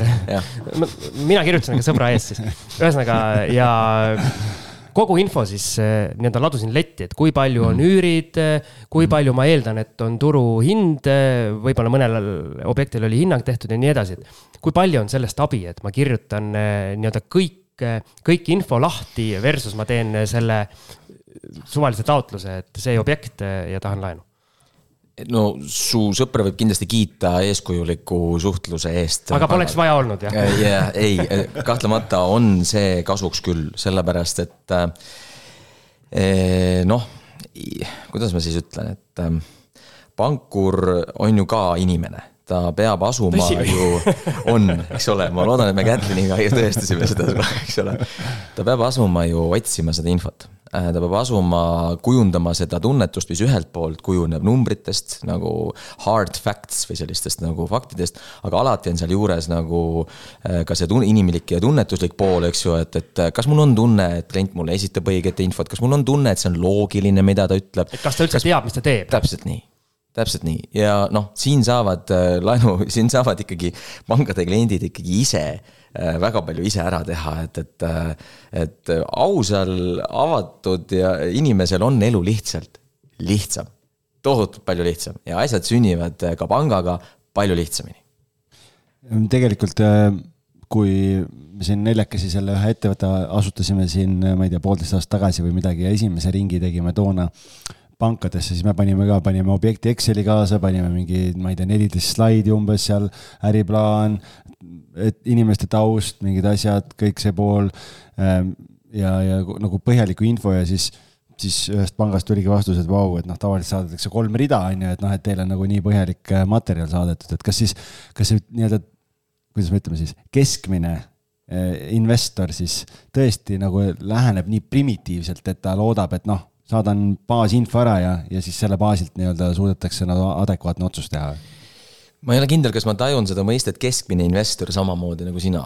tõenäoliselt on sul ta kohta võib-olla isegi palju rohkem infot, sellepärast et me näeme no, kinnisvara. Mati Mustamäe, meie näeme seda kinnisvara ostjat äriettevõttesse tõenäoliselt nagu teise paletiga, et, et neid tõesti on igasuguseid, nii neid, kes päriselt ongi, kelle põhitegevusalaks ongi kinnisvara või vähemasti väga suur tema, osa tema päevast kulub nagu sellega tegelemisele, kui siis ka ikkagi tõesti sellist nagu iga muu vajaduse pärast ka kinnisvara ostvat äriklienti. nii et noh, mina üldiks seda, üldistaksin seda nagu oma toolilt vaadates, et ja kordan natuke sedasama sõnumit, et äh, see on väga suuresti kliendi enda teha, kui lihtsasti tal läheb pangaga see, see suhtlus. meie näeme iga päev neid kliente, kellele sa saadad, saadad viis lisaküsimust, ta vastab neist kahele. küsid kolm tükki üle, ta vastab ühele. küsid viimased kaks üle, vastab pooleteistkümnele. et noh, tekibki küsimus, et teisel, teisel oleks laen ammu käes, sama aja peale. et kui väga sa seda laenu tahad? kui väga sa siis tahad seda või et, et mida sa nüüd siis soovid, et mina finantseerijana siis nüüd teen noh, eks. et kaalutletud otsuse no sa peaks need kolm küsimust ära unustama, mis ta alguses ei vastanud. Need ei ole olulised. tihti antaksegi sellega mõista nagu jah, et võib-olla ei taheta neid vastata. küsi nii palju. just, näe siin, ma ei tea, üks teine maja üldse ei küsinud. ilus korter on ju, mida sa küsid. kaks tuhat kuus mulle anti niimoodi laenu, et ma ei tahtnudki üldse. jaa, no nii on kuule, aga kunagi, kunagi nõudsid pangad, et ettevõttel peab olema vähemalt kaks aastat varasemat tegevust, on ju, et noh, täna elu liigub edasi, eriti siin, ma ei tea, viimase paari aasta valguses, kui Covid sisse ründas, väga paljud, ma ei tea, hakkasid kodus tööd tegema, on freelancer'id, asju, osutatakse oma ettevõtte alt teenust et sa enne mainisid ka, et noh, et, et sõltub, kas kinnisvara on põhitegevus või ei ole või kõik need asjad, aga noh, ma ei tea, võtame nüüd, et ei ole Mati Mustamäelt, aga on, on, on mingi selline, ma ei tea, IT-spetsialist või kes iganes, kes nii-öelda osutab teenust freelancer'itena, eri, freelancer'ina erinevatele ettevõtetele. ja nüüd otsustab, et oh, kuradi kapitali on päris hästi kogunenud juba, on ju, et tahaks hakata kinnisvarasse investeerima, et see kaks aastat, see piir on ikka endiselt või on seal ka midagi muutunud? sellise lävendina kindlasti paigas. aga ma arvan, et ähm, me oleme tõestanud seda aja jooksul väga-väga-väga korduvalt, et me hea meelega teeme sellest erandit. just nimelt asjaolusid arvestades. mis selle Mati kompetents siis on? ettevõte võib sündida loetud minutitega, Eestis on see üli, ülilihtne lahkud palgatöölt, asut-, asutad oma ettevõtte ja hakkad oma eelmisele tööandjale konkurentsi osutama, noh, see, see on natuke teine olukord kui see, et ma nüüd täna ärkasin tundega, et võiks kah ettevõtte teha. ja kuna kõik ostavad kinnisvara, no äkki võiks kah, need on nii erinevad olukorrad. aga lävendina me peame ja tahame seda välja hõigata, et, et me, selle asja sisu ja mõte on ikkagi selles, et näita ja tõesta, mida sa oskad, mis, mida sa, kuidas sa toimetad ja kui sul ei ole seda tõestada, siis äh, vähemasti kaks aastat tõesta seda kasvõi iseendale. Siis vaatame. kui sul on seda tõestada, me teeme selles erandeid, me oleme alati teinud erandeid ja, ja ma usun, et see jääb ka nii. Sa natukene rääkisid ka seda, nii-öelda puudutasid seda, et meil on olnud siin selline väike investeerimisbuum või selline ka kinnisvarasse investeerimise buum, et kui palju sina pangas oled seda näinud, et inimesed ongi hakanud teadlikult proovima siis ettevõtete alt investeerida, et kas see viimastel aastatel kuidagi nagu kasvas plahvatuslikult? Jah, võib küll öelda koos sellesama, nagu sa nimetasid, investeerimisbuumiga. võib küll öelda, et see, see huvi või, või teadlikkus äh, kindlasti kasvas ja noh, turg oli ju ka selline, nii et ähm, tervikuna võttes on see ju ainult hea, et inimesed oma, oma pika aja rikkuse kasvatamise peale ikkagi mõtlevad ja lisaks palgatööle, nii et jaa, ikka, ikka oli tunda ma olen meediast, mul on kuidagi kõrva jäänud, et eh, pankadest on öelnud, öeldud, et praegu oleme me vist rekordmadalal selles osas, kui palju on hapuks läinud kodulaene mm. -hmm. on mul õigus? kuidas, kuidas, küll, kuidas ettevõtete poolt see vaade on? oskan siin rääkida LHV eest, et meil äh, siiamaani on see tase jätkuvalt väga-väga-väga madal. Aga ma julgen öelda, et äh, see nagu seda uut reaalsust on tunda äh, selgelt ka. et ühel, ühtepidi ei pruugi see alati konkreetsetes nagu numbrites väljenduda, noh milleks on näiteks mingite teatud päevade arvu ületanud võlglaste osakaal. küll aga näiteks see on kindlasti kasvanud, ähm, kui palju me kuuleme klientide käest juba probleem, tekkinud probleemide kohta et teatavad ette, eks ole, tekkinud makseraskustest on asunud müüma näiteks oma tagatisvarasid, mis ei pruugi üldse olla nagu otseselt kinnisvara investeerimise tõttu, vaid hoopis, hoopis muud asjad, eks ole, et, et sinu kliendid on sulle võlgu sellepärast, et nende kliendid on neile võlgu, see käibki majanduskriisiga kaasas, likviidsuse vähenemine, riskide kumuleerumine ja lõpuks ka siis päriselt riskide realiseerumine mingites ärivaldkondades, eks ju. ja siis juhtubki, juhtubki, juhtuvadki mingid ahelreaktsioonid, nii et, et seda ma julgen küll öelda selgelt, et on sellist ähm, probleeme, on igapäevaselt äriettevõtetel kindlasti rohkem millis-, milline on üks keskmine LHV äriklient selles osas, et kas ta raskuste tekkides äh, nii-öelda paneb jaanalinnu äh, kombel pea liiva alla või ikkagi suheldakse ja hakatakse lahendust leidma? kui ma nüüd räägin väikestest ja keskmistest ettevõtetest, ähm, kuigi tegelikult noh, sama asi ju väljendub ka suurettevõtete puhul, et see võlglaste osakaal on ikkagi väga-väga väike. Meie laenuportfellist, väga väike. Ja ja see tõenäoliselt, äh, ja nüüd, kui ma mõtlen, et noh, meie siis, minu osakond teenindab pigem seda massi, siis äh, meil on õnnestunud vist olla nagu piisavalt küll ärinäljas läbi aegade ja oleme seda ju jätkuvalt, aga teistpidi ikkagi ka mõistlikud ja konservatiivsed. et me ei tunneta nagu seda, et, et meil kliendid lihtsalt ära kaoks äh, liiga kergesti. Neid on ka, ega siis, kui ikka häda on majas, siis äh, paljud tõmbavad ikkagi stepsti seinast ka.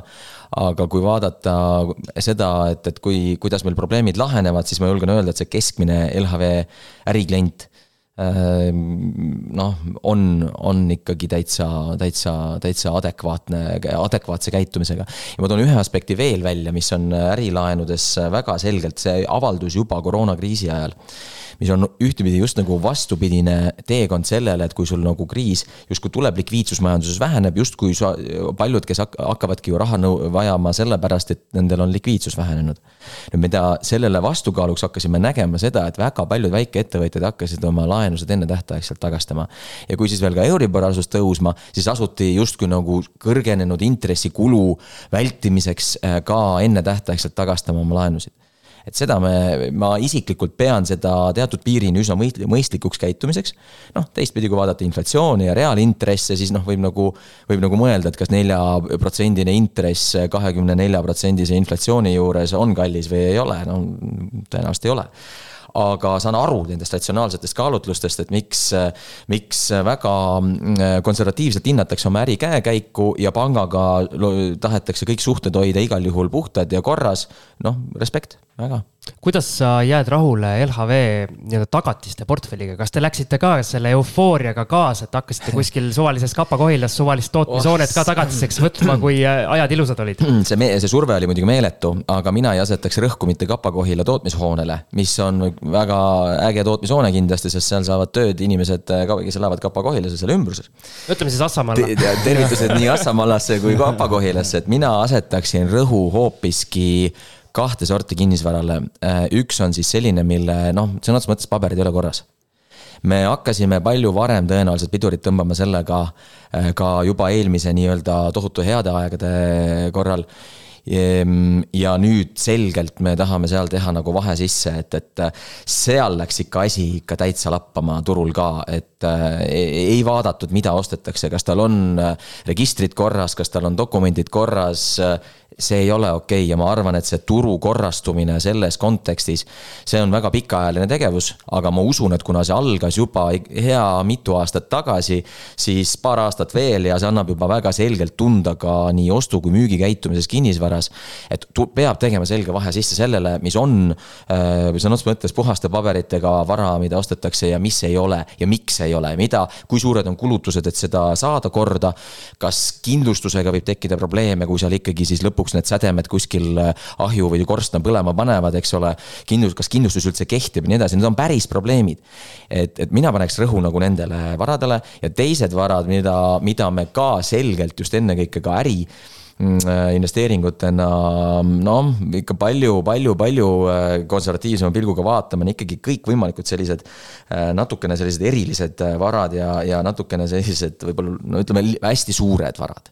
hästi, kõik sellised nagu ülemäärase, kuidagi mingid, mingis aspektis ülepingutatud varad, millel lihtsalt praegustes oludes likviidsus on kolaki kõige rohkem kukkunud. kullast vetsupotiga korter jah, just väga no, levinud toode turul. väga levinud toode just, et nendele kahele, nii et äh, ei, need tootmishooned seal Kapa-Kohilas, äh, noh, siin on tegelikult ka KredEx, ma arvan, teinud ärilaenude finantseerimises ja, ja MES ja muud on ikkagi sekkunud seal, kus on õige regulaator, noh mitte, et nad ei ole regulaatorid, ütleme siis riigi sellisel pikal käel ongi õige sekkuda sinna, kus midagi ei toimi ja tõrgub. ja ärilaenudes, kui sa asud seal piirkonnas, neid, küllap sa leiad ikka selle, selle vajaliku lisatagatise siis mõne sihtasutuse käenduse või mõne muu taolise meetme näol, mis natuke sul juhib tähelepanu sellelt tootmishoone enda likviidsuselt nagu kõrvale, et see on täitsa okei okay, minu meelest kuule, aga ma tuleks nüüd korra Äh, natuke maisemate teemade juurde tagasi. elevandi juurde. et jah, et üks osa investoreid on kasutanud ju sellist mudelit nii-öelda, et alustatakse äh, kodulaenuga, ostetakse korter, siis võib-olla kolitakse naisega kokku, üks korter jääb vabaks, antakse üürile.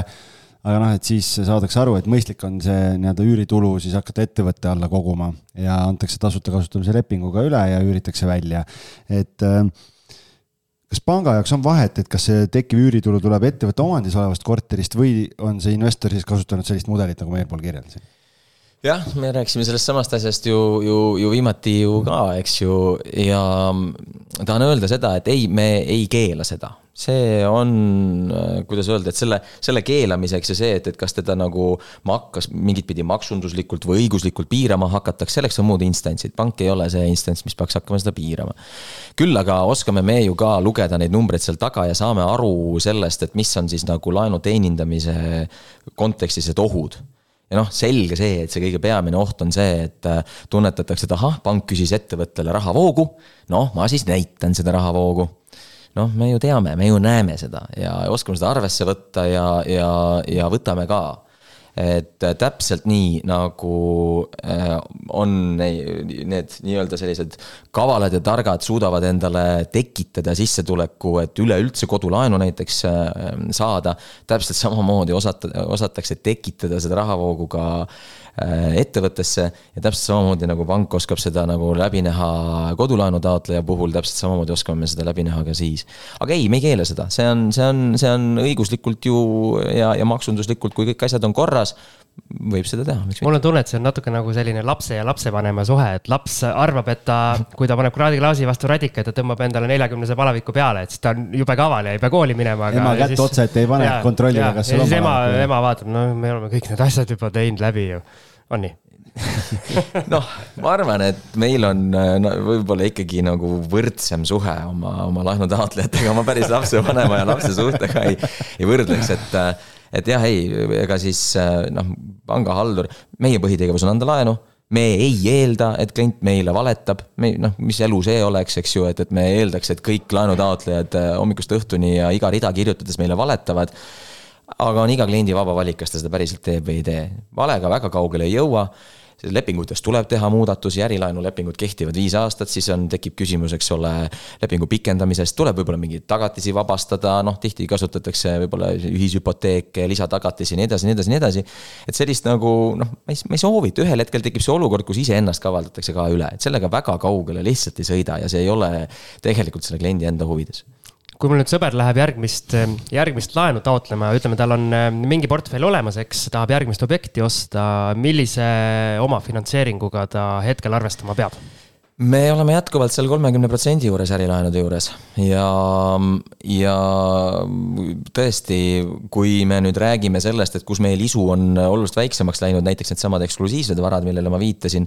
no siis tõenäoliselt me küsime lihtsalt tõesti, me päris tegemata ei pruugi seda tehingut jätta, aga me küsime kindlasti nagu suuremat võimekust ja suuremat omafinantseeringut näiteks. standardne on ikka kolmkümmend protsenti, seda me ei ole hetkel küll pidanud vajalikuks kuhugi nagu kruttida või et näed, nüüd regioonis hakkame tohutult pitsitama kasvatama ja, ja tõmbame seal oma finantseeringud nagu kõrgemaks, me, me ei ole seda teinud kas konkreetse ühe laenu või ühe objekti ostmiseks saadava laenu rahavoog peab ka siis pärast väljaüürimist jääma, jääma positiivseks või vaatate kogu nii-öelda portfelli suurust? me jätkuvalt vaatame kogu ettevõtte rahavoogu. et, et see, kuidas, see on, see on nüüd seesama, ütleme selline võrdlus, et meie asi ei ole olla parem investeerimisotsuse tegija, kui on klient küll aga tahame meie näha neid aluseid, millega see otsus tehti, kas see meie jaoks on loogiline, kas meie näeme sealt ohtu, mida me peame sealt kõike otsima äh, ja, ja nägema seoses selle laenu teenindamisega. ja jätkuvalt on ikkagi tõesti see ettevõtte tervikrahavoog selgelt olulisem.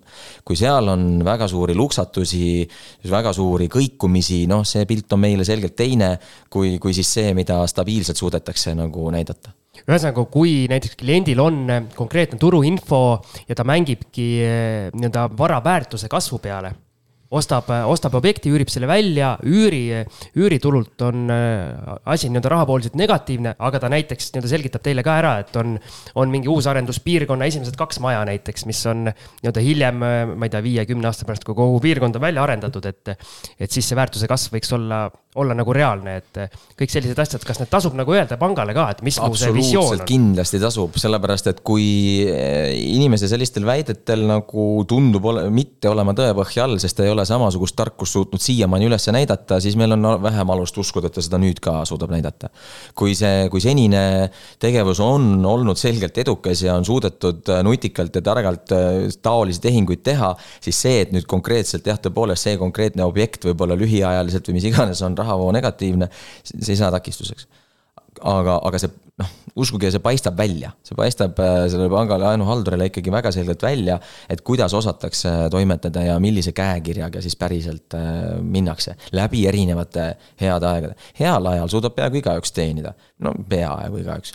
Äh, halval ajal noh, jäävad peamiselt nutikamad järgi, kes suudavad teenida, eks ole kui sa nüüd võrdled kahte klienti, üks on Mati Mustamäelt ja teine on Siinu, Siimu sõber, kellest me oleme täna palju rääkinud, on ju, et kumma kumma nii-öelda portfellile peale vaadates see positiivne otsus kas portfelli kasvatamiseks on tõenäolisem, kas Siimu sõber, kellel on kaks objekti, mis toovad kaheksasada euri kuus või Mati Mustamäelt, kellel on viis objekti, mis toovad kolmsada euri kuus, on seal üldse vahet? oh, see on, see on suurepärane küsimus, ega tervikuna riskide hajutatus on eraldi hea asi, mida jälgida küll, selles, selles ei ole üldse kahtlust. Um, ma arvan, et lõppkokkuvõttes võivad nad mõlemad saada nii ei kui jaa ja väga sarnastel tingimustel, et ähm, et need asjaolud, mida me ritta enda jaoks lükime, moodustavad mingi tervikpildi. Ja ja, ja seal see, et, et ühel on viis korterit ja see portfell on hajutatud ja need viis ei asu ka samas majas näiteks, eks ju, ja, ja ka mitte võib-olla samas investeerimispiirkonnas, eks ju, praegu oleme siin, oleme siin Veereni piirkonnas noh, see on selgelt äh, natukene juba teist laadi asi, mida sinna tervikpilti ritta lükkida, kui, kui, kui see, et näete, aga, aga ma ostsingi nagu ma ei tea, siis äh, väga varakult viis võlli samasse majasse. no natuke teine tunne tekib seda finantseerida, kui, kui, kui. mul on selline huvitav küsimus, et laenuhaldur ütleb alati, et ta peab ähm, selle otsuse nii-öelda komisjoni ette viima ja mina olen alati siis nagu endale ette kujutanud, et see komisjon on hästi targad ja hästi vanad mehed, istuvad kuskil hästi kõrgel. Neil on suured tumedad hõlstid, kaputsid üle pea, siis see vaene laenuhaldur no, läheb ja läheb oma mapka käes, läheb sinna nende. võiks isegi öelda müts näpus. müts näpus ja komisjoni ette. mapka, mapka näpus. ja, niimoodi ja ütleb, et kas me ikkagi saaks anda, kuidas re, nagu reaalselt see asi välja käib, välja näeb? see köögipool on ikkagi. täpselt nii, nagu ma selgitasin köögipool tavaliste otsuste puhul on ikkagi, seal on hästi palju inimlikku suhtlemist laenuhalduri ja otsustajate vahel. Äh, nagu igas asjas, et äh, meil käib see, ma usun, et LHV on krediidiotsuste langetamises nii väikeste kui suurte puhul vaieldamatult kõige kiirem turul. seda ma julgen, noh, tul-, tulge tõestage vastupidist. kahtlemata võib esineda olukordi, kus meil mingil väga eba, erakorralisel asjaolul konkreetse kliendi või kaasusega asi takerdub, aga Zeteris Paribus võrreldes seda, me oleme endal majas sees ikkagi selle suhtluse ja otsustamise protsessi teinud väga paindlikuks seal on väga palju inimlikku suhtlemist halduri ja otsustajate vahel, sellist. me kõik tahame, et LHV-l läheks hästi, me kõik tahame, et sellel kliendil läheks hästi. kõik, nii need otsustajad kui haldurid. et sellist asja, ma olen ka oma halduritele öelnud väga selgelt, et sellist asja ei saa olla, et mina, hea haldur, tahtsin ja küsisin sellist asja, aga näe, paha komitee otsustas hoopis sellist asja, seda ei ole. me oleme väga ühe asja eest väljas, on üks ja ainus LHV Äh, ja, ja me alati kommunikeerime seda asja kui tervikut, nii et, et ähm, see käib üsna inimlikult tegelikult. aga kui palju seda on, et nagu haldur äh, tõepoolest nagu eksib oma selles esialgses äh, hinnangus ja pannakse see veto päris jõuliselt peale seda tuleb ette, tuleb aeg-ajalt ette.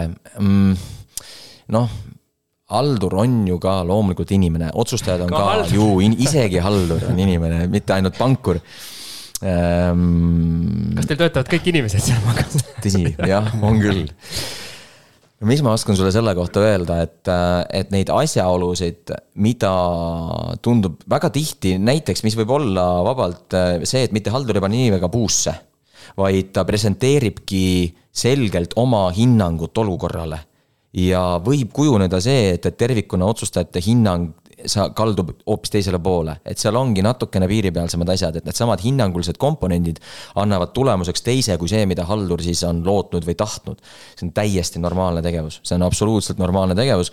ja, ja loomulikult haldurid ju püüdlevadki selle poole, et olla võimalikult adekvaatne, tajuda turuinfot, tajuda kliendi antud infot, esitada seda võimalikult kvaliteetselt ja noh, nii, nii, nii see käibki, täpselt nii see käibki. ma nüüd teen tööd juurde teile kõvasti tõenäoliselt, aga, aga mina ikkagi julgustan ka, et kui see esimene vastus peaks ka tulema negatiivne, et siis natukene nagu rahulikult hingata ja vaadata, mis see negatiivne otsus on, et meil just praegu, kui see refinantseerimise ring oli, siis esimene vastus LHV-lt oli, et noh, et vaadates nagu äriplaani ja Excelid ja kõike seda, et noh, praegu ei näe nagu varianti, et kuidas seda finantseerida saaks, sellepärast et noh, seal laenukordajad või need, mis need on, see üürilaenukordajad ja asjad, kõik see on liiga madalad ja kõik see pool ja siis ma kirjutasin ühe korraliku essee sellele haldurile vastu, kuidas ma temaga nõus ei ole, onju, ja miks ma temaga nõus ei ole ja numbriliselt tõin nagu mingid argumendid ja asjad sinna juurde ka, sellepärast ma ise, noh, nagu sa ütlesid enne, tunnen, tunnen seda investeerimisobjekti nagu paremini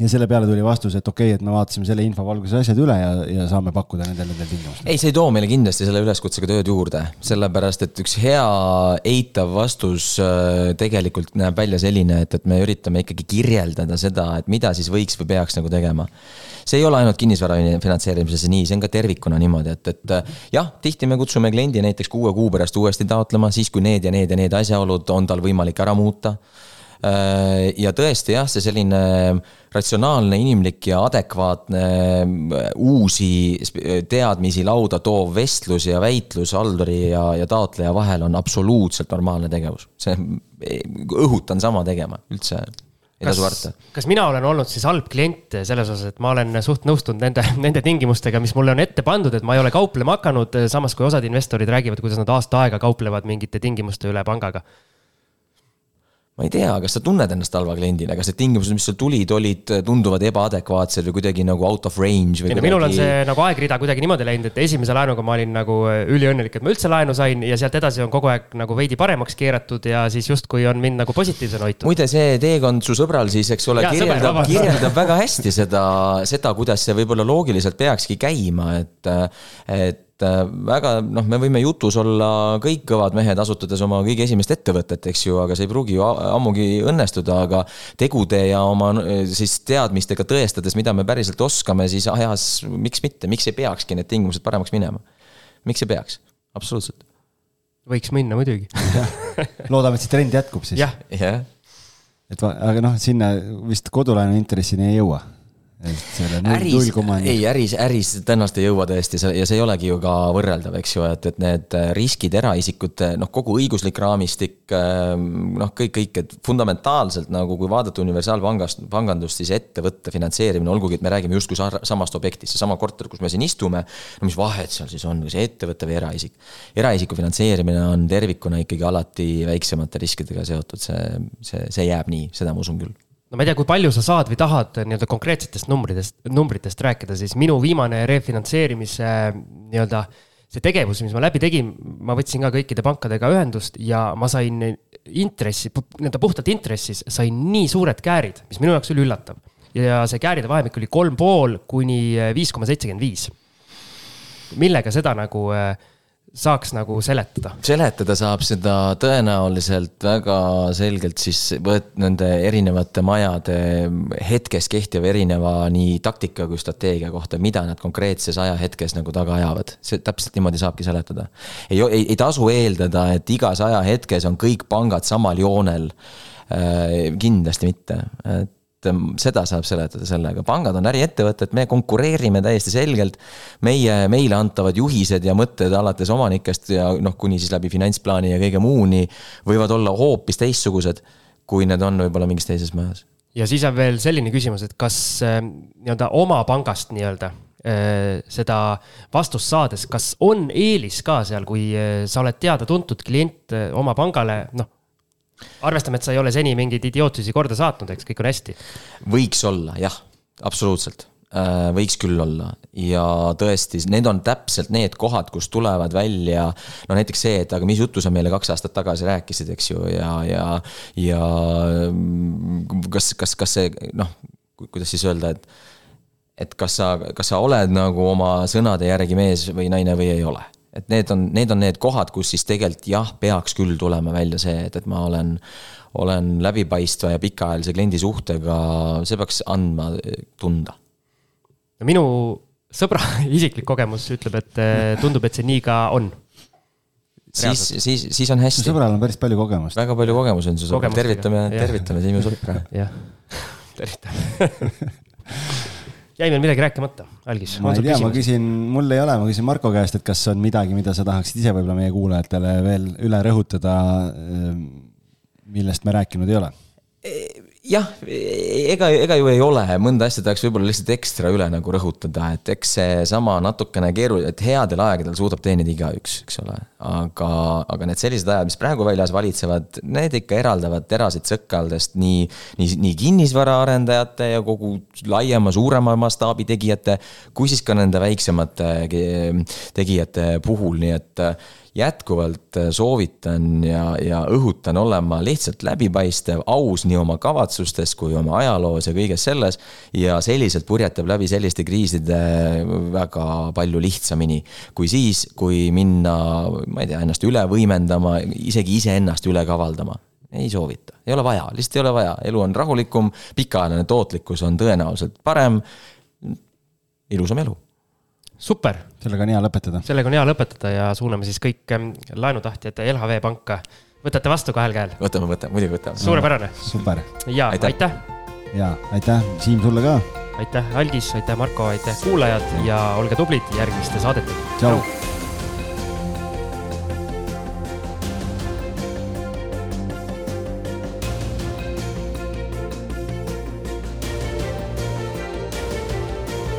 Kinnisvarainvestoritele loodud kinnisvarabüroo, aitamised alates esimesest sammust kuni lõpptulemuseni välja. vaata lähemalt www.onestate.ee